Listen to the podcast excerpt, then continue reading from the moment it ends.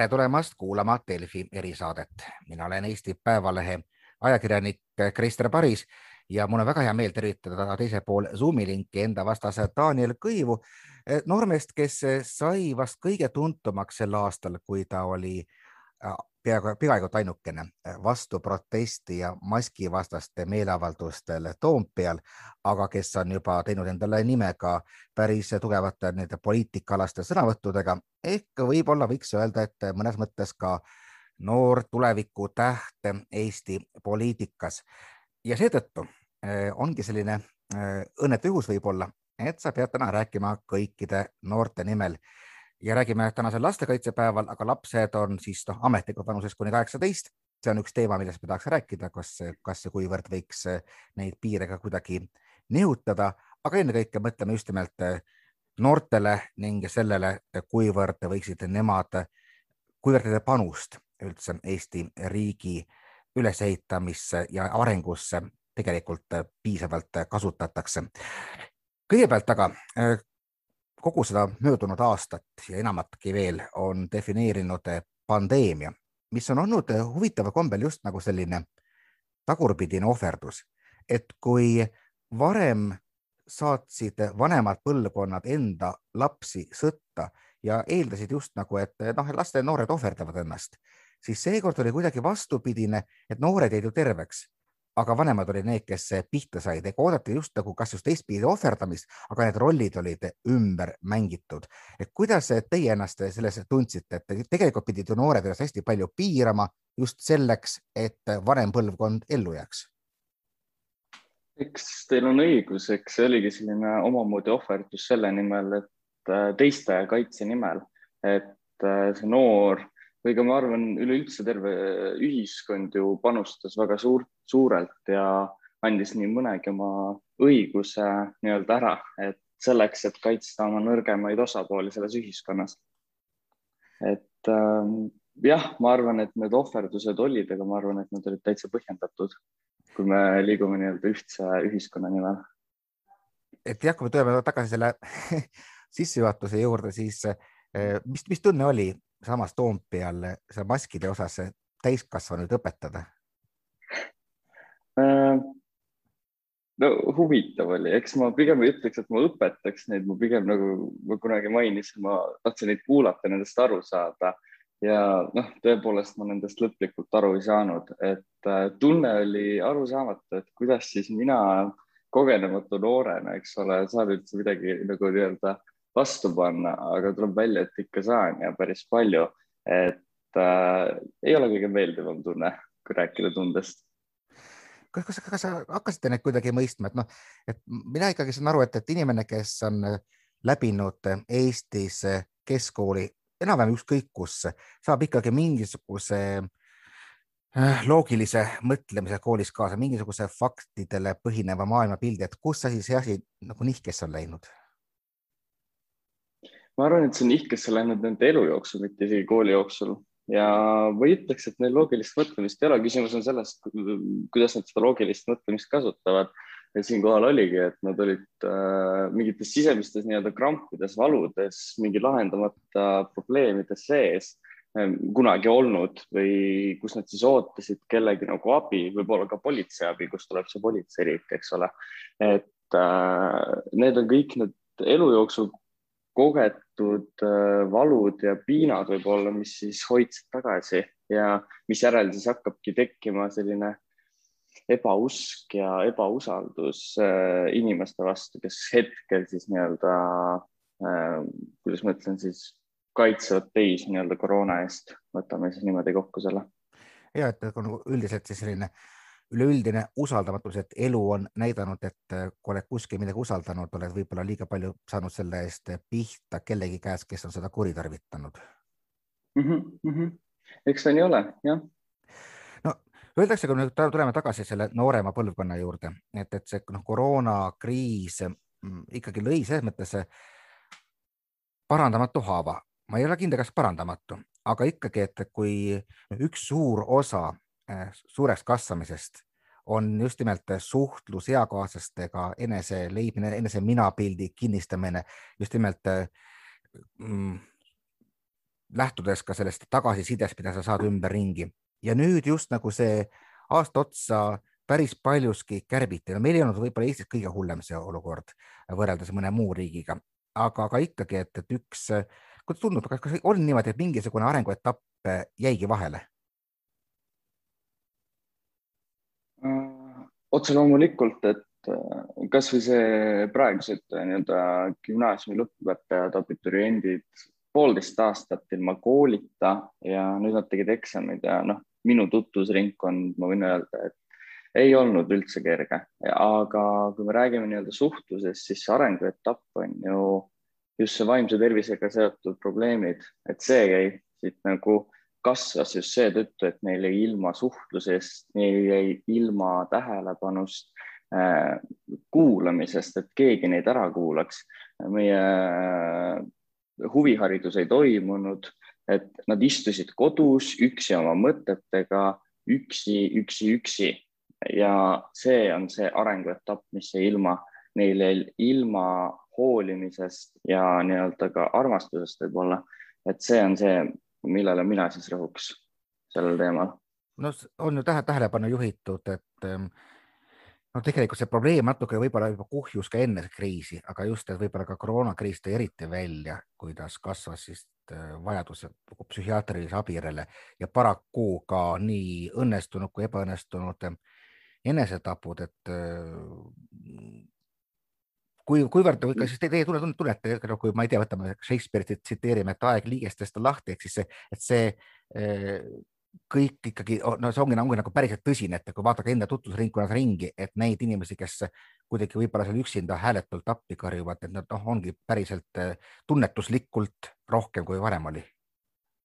absoluutselt, ma olen täiesti nõus, et ka minu lähedane sõbranna ja ka mina, noh, on nagu väga raskes seisundis, aga mis on kõige nagu halvem selle olukorra juures on see, et seda olukorda ei lahendata seal riigi tasandil või ütleme äh, juhtide tasandil, otsustajate tasandil, et meil ei tehta otsuseid, et vähendada järjekordi, selle asemel me kärbime huviharidust, mis sisuliselt on üks äh, selle tugiprogrammi nii-öelda osa ju. kõige noh, võtame kasvõi ühe piirkonna näiteks, et ma olen täiesti veendunud selles, et need kärped jõuavad siis kuskile maapiirkondadesse, näiteks Äh, Võrru, kus need lapsed äh, niigi saamata normaalset psühhiaatrilist ja psühholoogilist abi, jäävad nüüd ilma ka huviharidusest. Ja see kõik suur gammajaam, mis nagu lumepallina praegu kasvab, äh, meie noored peavad igapäevaselt noh,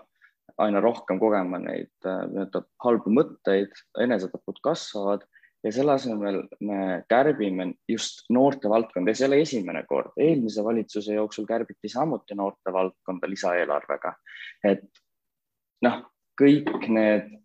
väiksed sammud viivad selleni, et meil on kümne, kahekümne aasta pärast väga suured probleemid ja me seisame silmitsi täpselt samasuguste võib-olla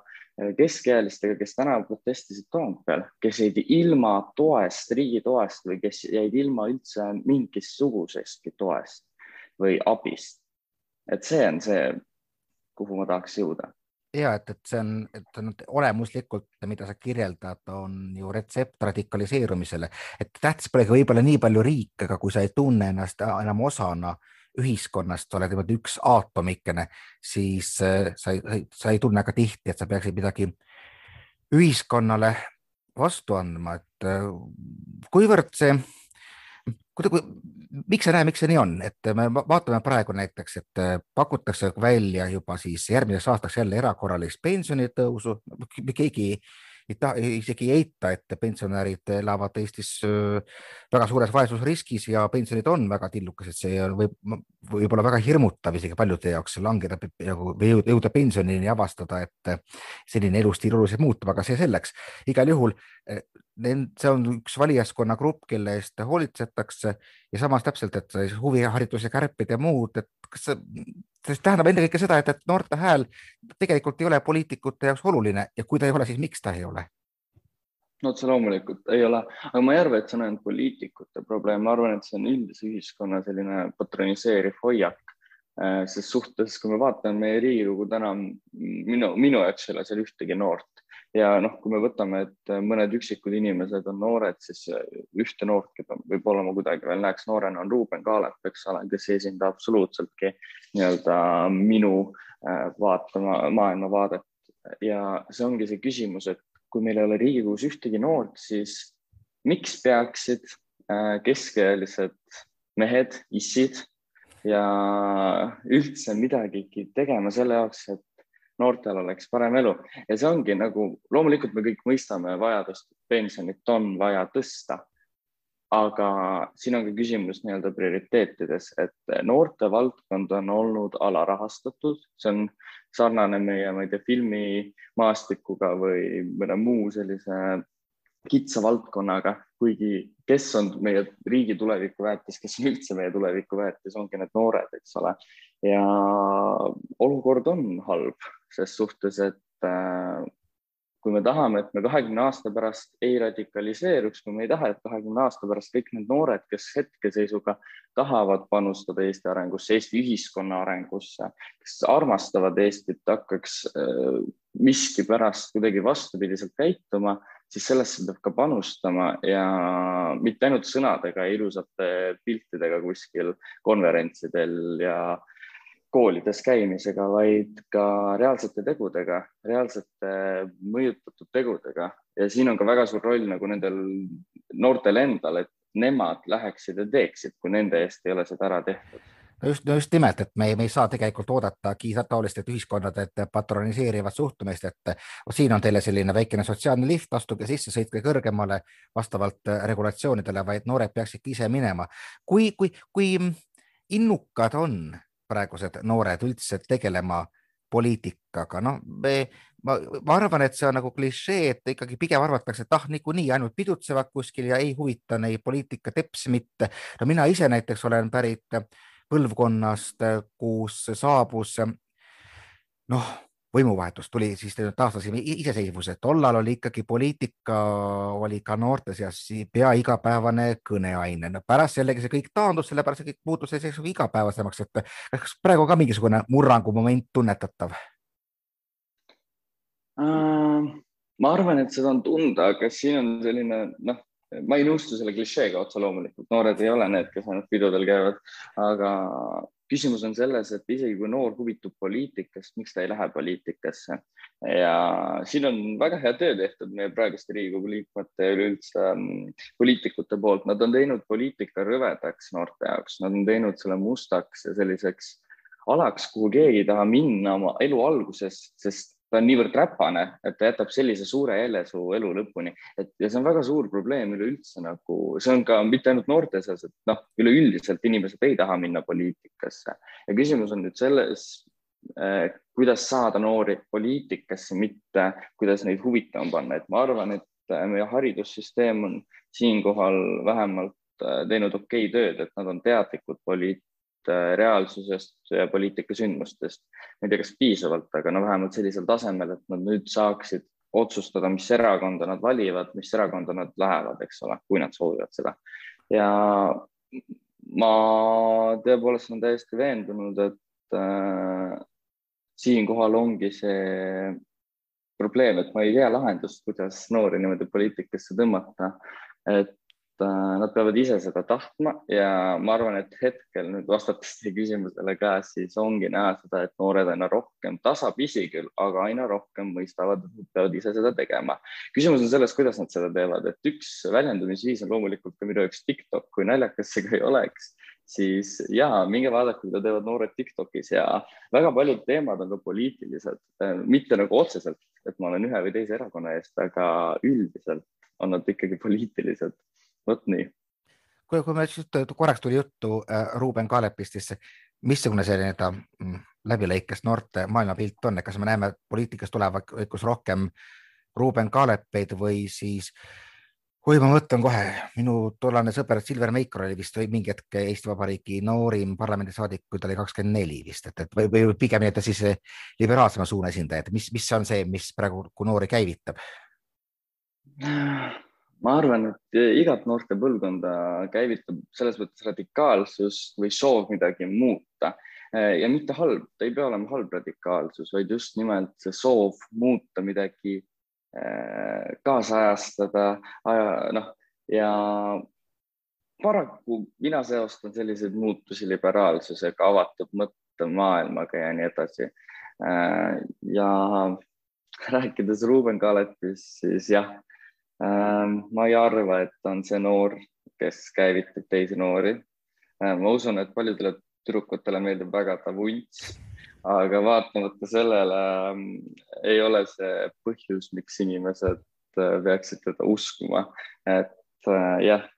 Aga noh, Ruuben Kaalep äh, ikkagi, vaatamata sellele on ta väga tubli mees, et ta on noorena ikkagi suutnud olla nagu Riigikogus, vaatamata sellele oma maailmavaatele, oma seisukohtadele, ta on noor ja see on juba nagu mingi väike kild sellest, et äh, võib-olla kasvõi nii, aga noored satuvad nagu poliitikasse. küsimus on selles, kuidas neid noori siis erinevatele pooltele saada, et see oleks ka tasakaalustatud, eks ole kas näiteks rohepööre võiks olla, noh, rohepööre kõlab selliselt bürokraatlikult, aga me saame aru, mida me mõtleme, võiks olla see käivitav jõud? Äh, ma arvan küll, ega me seda nägimegi, terves Euroopas oli see käivitav jõud, Eesti oma sellise vaikse mentaliteediga jäi natuke tagaplaanile, aga nagu Greta Thunberg, eks ole, väga hea näide sellest, kuidas tavaline noor tüdruk sai, ma ei tea, maailma võimsaks poliitikuks sisuliselt. Ja kõik sellised äh, rohepööre äh, on üks teema kindlasti, mis käivitab noori, et lihtsalt küsimus on sellel, millal see juhtub, kas see juhtub siis, kui see rohepööre on lihtsalt vajalik, kui meil on reaalne kliimakriis, mida on silmaga näha ja kus võib-olla see rohepööre juba ei päästa meid või juhtub see enne, kus see klõps käib. vot nii.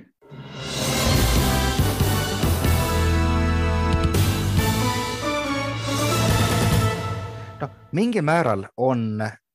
noorte kaasamist poliitikasse ju muudetud lihtsamaks, et no tõesti, nüüd saab näiteks äh, kohalike omavalitsuste valimistel saab kandideerida juba, vabandust, sa saad valida juba, juba kuueteistaastaselt, et äh, mis, mis, mis su hinnang on? on see aidanud kuidagi siis siduda rohkem noori poliitikaga?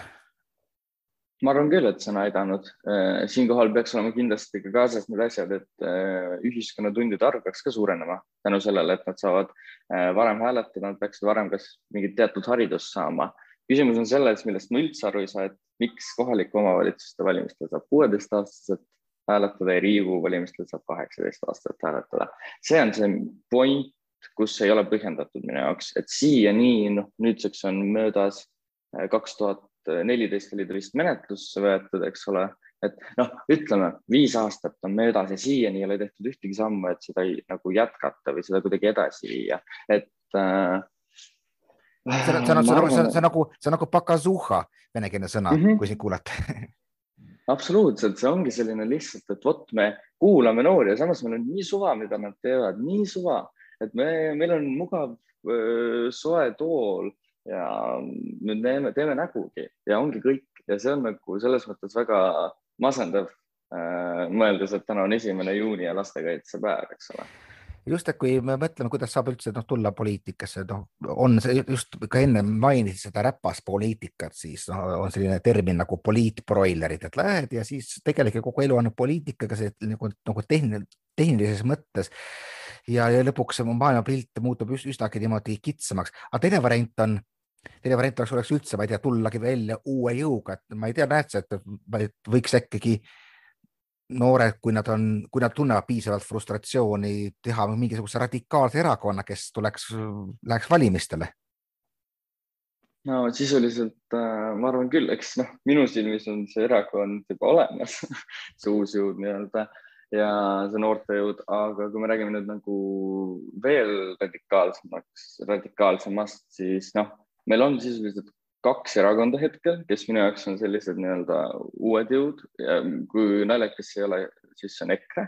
see on mhm. Eesti kakssada. Ja küsimus on selles, et siin sellel teljel on puudu ka üks vasakpoolne erakond, eks ole, sisuliselt radikaalne vasakpoolne erakond, mida ei olegi Eestis olnud. Ja see on see oht minu silmis igatahes, et äh, praegu on meil need erakonnad olemas, mina siiralt usun ühte erakonda ja noh, ütle, on... ütle, ütle, ütleme otse välja, et, et ei oleks puust ja punast, see on Eesti, Eesti kakssada, eks ole Eesti kakssada ja ma tõepoolest toetan ja usun sellesse erakonda. aga ma ei välista seda, et äh, võib tekkida ka kolmas erakond ja just nagu radikaalsete noorte pealt. ma ei arva, et see juhtub peatselt, aga võib-olla kümne-viieteist aasta jooksul, kui mina olen juba keskealine, siis äh, võib juba võib-olla mingeid muutusi näha, kui me täna ei tee, ei astu ühtegi sammu selle nimel, et äh, noorte heaolu oleks parem. et ma just täna lugesin ühte Lastekaitse Liidu mm, pressiteadet ja nad ütlesidki, et ajal, kus me oleme Euroopas hariduse nii-öelda liidrid, on meie lapsed ühed kõige õnnetumad õppijad Euroopas ja, ja mida me teeme? me teeme seda, et me kärbime huviharidust, et see on selline mõttekild siia kõige selle jutu juurde võib-olla, et me teeme veel õnnetumaks meie noored, meie lapsed eh, selle nimel, et ma ei teagi, mille nimel, et tahaks küsida meie peaministrit ja haridusministrit isiklikult kunagi, et mille nimel me teeme seda. ja neid küsimusi on väga palju kogunenud kuidagi ja see ongi kõik see väga masendav, et noh, me ei vaata tulevikku, me ei näe seda, et kümne või viieteist aasta pärast see tekitab, kahekümne aasta pärast see tekitab suuri probleeme, äh, suuri probleeme nii-öelda julgeolu, julge, issand, julgeolekule. no just nimelt ja et, et ikkagi sama, sama sidusus, et, et sa ei tunne ennast võib-olla ka, ka selle osana ühiskonnas, kuna pole võib-olla õppinudki niimoodi kokku kasvama. mul üks huvitav küsimus tekkis praegu, mõtlesin, et kui on juttu olnud sellisest Äh,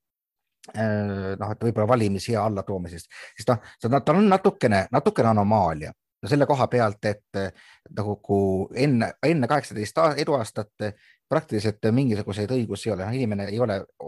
põhimõtteliselt äh, juriidilises mõttes noh, teovõimeline, keegi peab tema eest kostma mm -hmm. ja puha ja siis saab nagu hääli anda. kas võiks nagu äkki ka palju, paljusid muid äh, Äh, piire natukenegi tuua allapoole. võib-olla natuke, natuke, natukene irriteerib praegu, äh, aga mm, mul tuli meelde, kuidas ma käisin kunagi Iraagis, kus, äh, kus suhtlesin ühe USA armee sõduriga, tegemist oli neiuga, kes oli seitsmeteistkümne aastane, tal oli käes hiiglaslik püss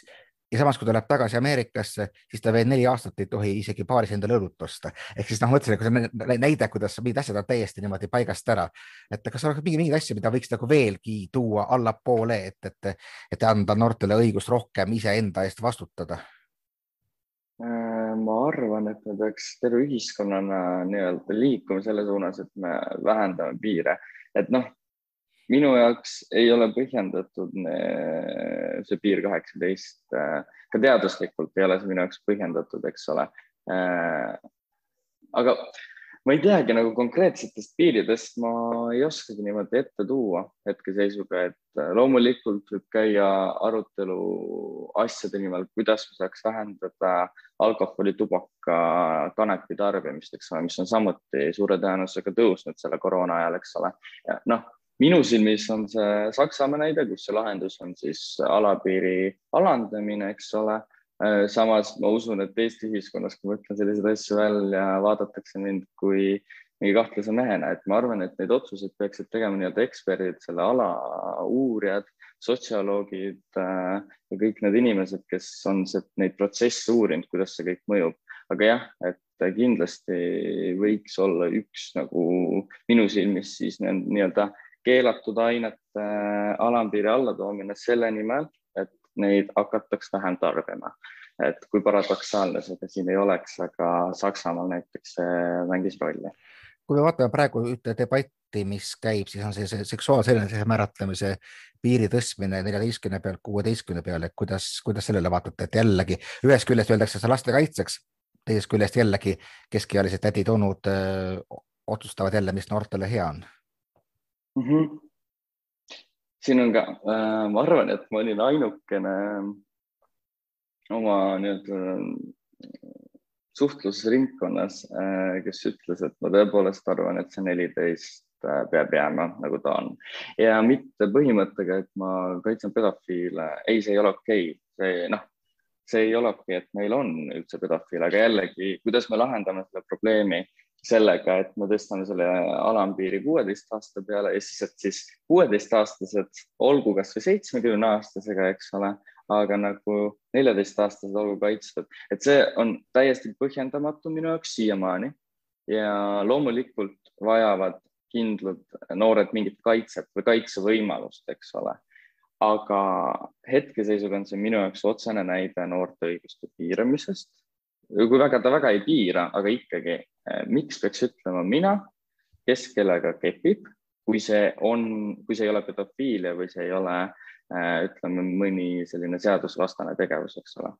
et eh, minu jaoks on neljateistaastane noor täiesti kaine, oma peaga mõtlev inimene, kes suudab langetada neid otsuseid. kui see inimene ei suuda langetada neid otsuseid, siis ei ole probleem selles, et tal on, et me muudame seadust, vaid probleem on selles, et ei ole saanud piisavalt seksuaalharidust. ja see on ka meie koolides väga suur probleem, et nad ei ole saanud tõepoolest kohati piisavalt seksuaalharidust ja ma ei mõtle nüüd, et me näitame lasteaias äh, nokkusid ja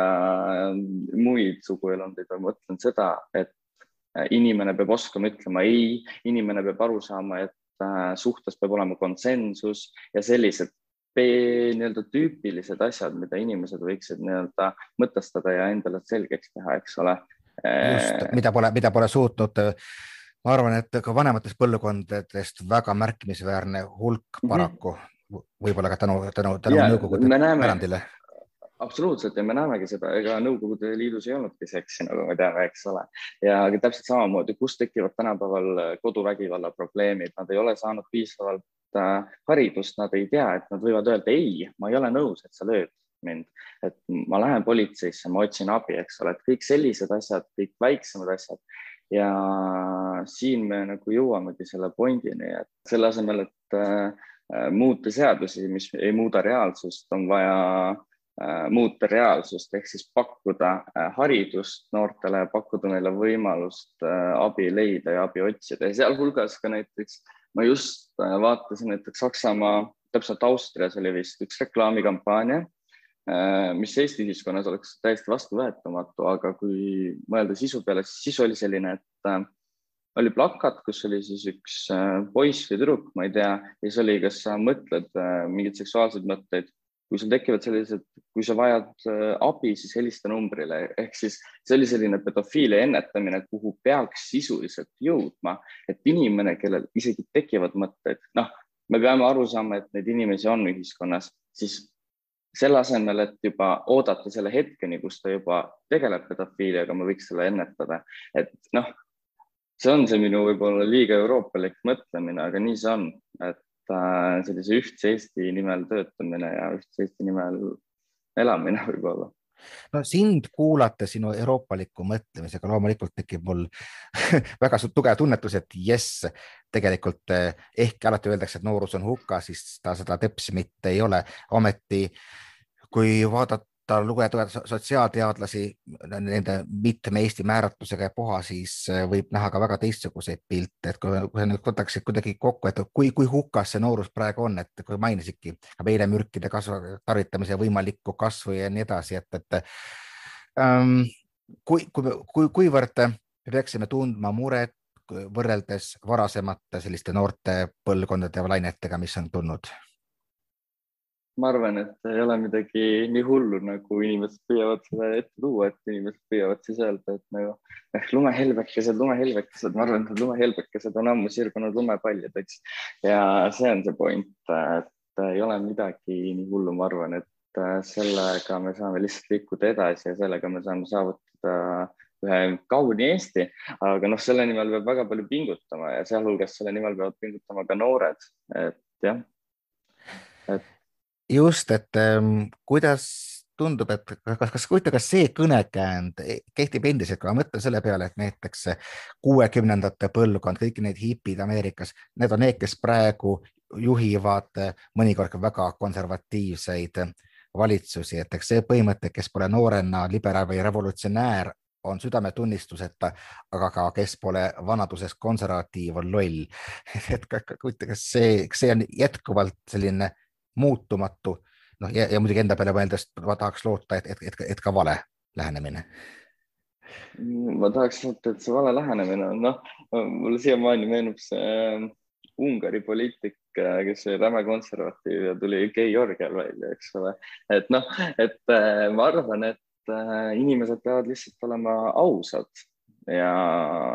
inimesed, kes lähevad poliitikasse, peavad olema ülimalt ausad. et see on üks tähtsamaid väärtusi võib-olla, mida võiks omada selleks, et vältida neid korruptsiooniskandaale, neid kahepalgelisi nagu sõnavõtte, et kui ma lähen nii-öelda Riigikogu pulti, siis ma ütlen, et ei, see ei ole okei okay,, samas sa teed ise sedasama, eks ole, või noh, kõik need näited, et inimesed võiksid seista oma maailmavaate eest ja inimesed võiksid olla ausad iseendaga eelkõige ja seejärel juba ka kõigi teistega. suurepärane, soovin igal juhul palju edu teisel pool Zoomi linki oli siis äh, noor poliitiline aktivist Daniel Kõiv. mina olen Krister Paris Eesti Päevalehest ja jälle kuulmiseni uutes erisaadetes